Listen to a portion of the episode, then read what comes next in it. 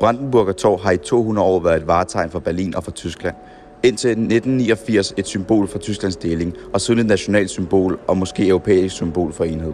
Brandenburger Tor blev bygget af Karl Gotthard Langhans i 1789-91, efter græsk forbillede.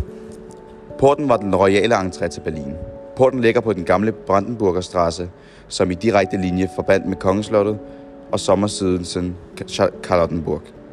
Kongeslottet er nu både nedrevet og genopbygget inden ved floden Spree for enden af Unter der Linden over for Berlinerdom.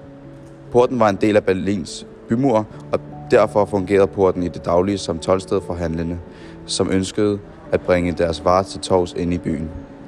Muren rundt om Berlin blev nedlagt i 1867-68, men den prægtige Brandenburger Tor blev stående.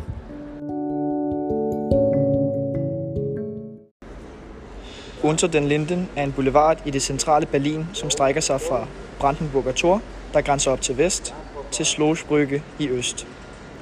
Den smukke boulevard blev brugt til militærparader og triumftog både i det kejserlige Tyskland og i Hitlers tredje rige.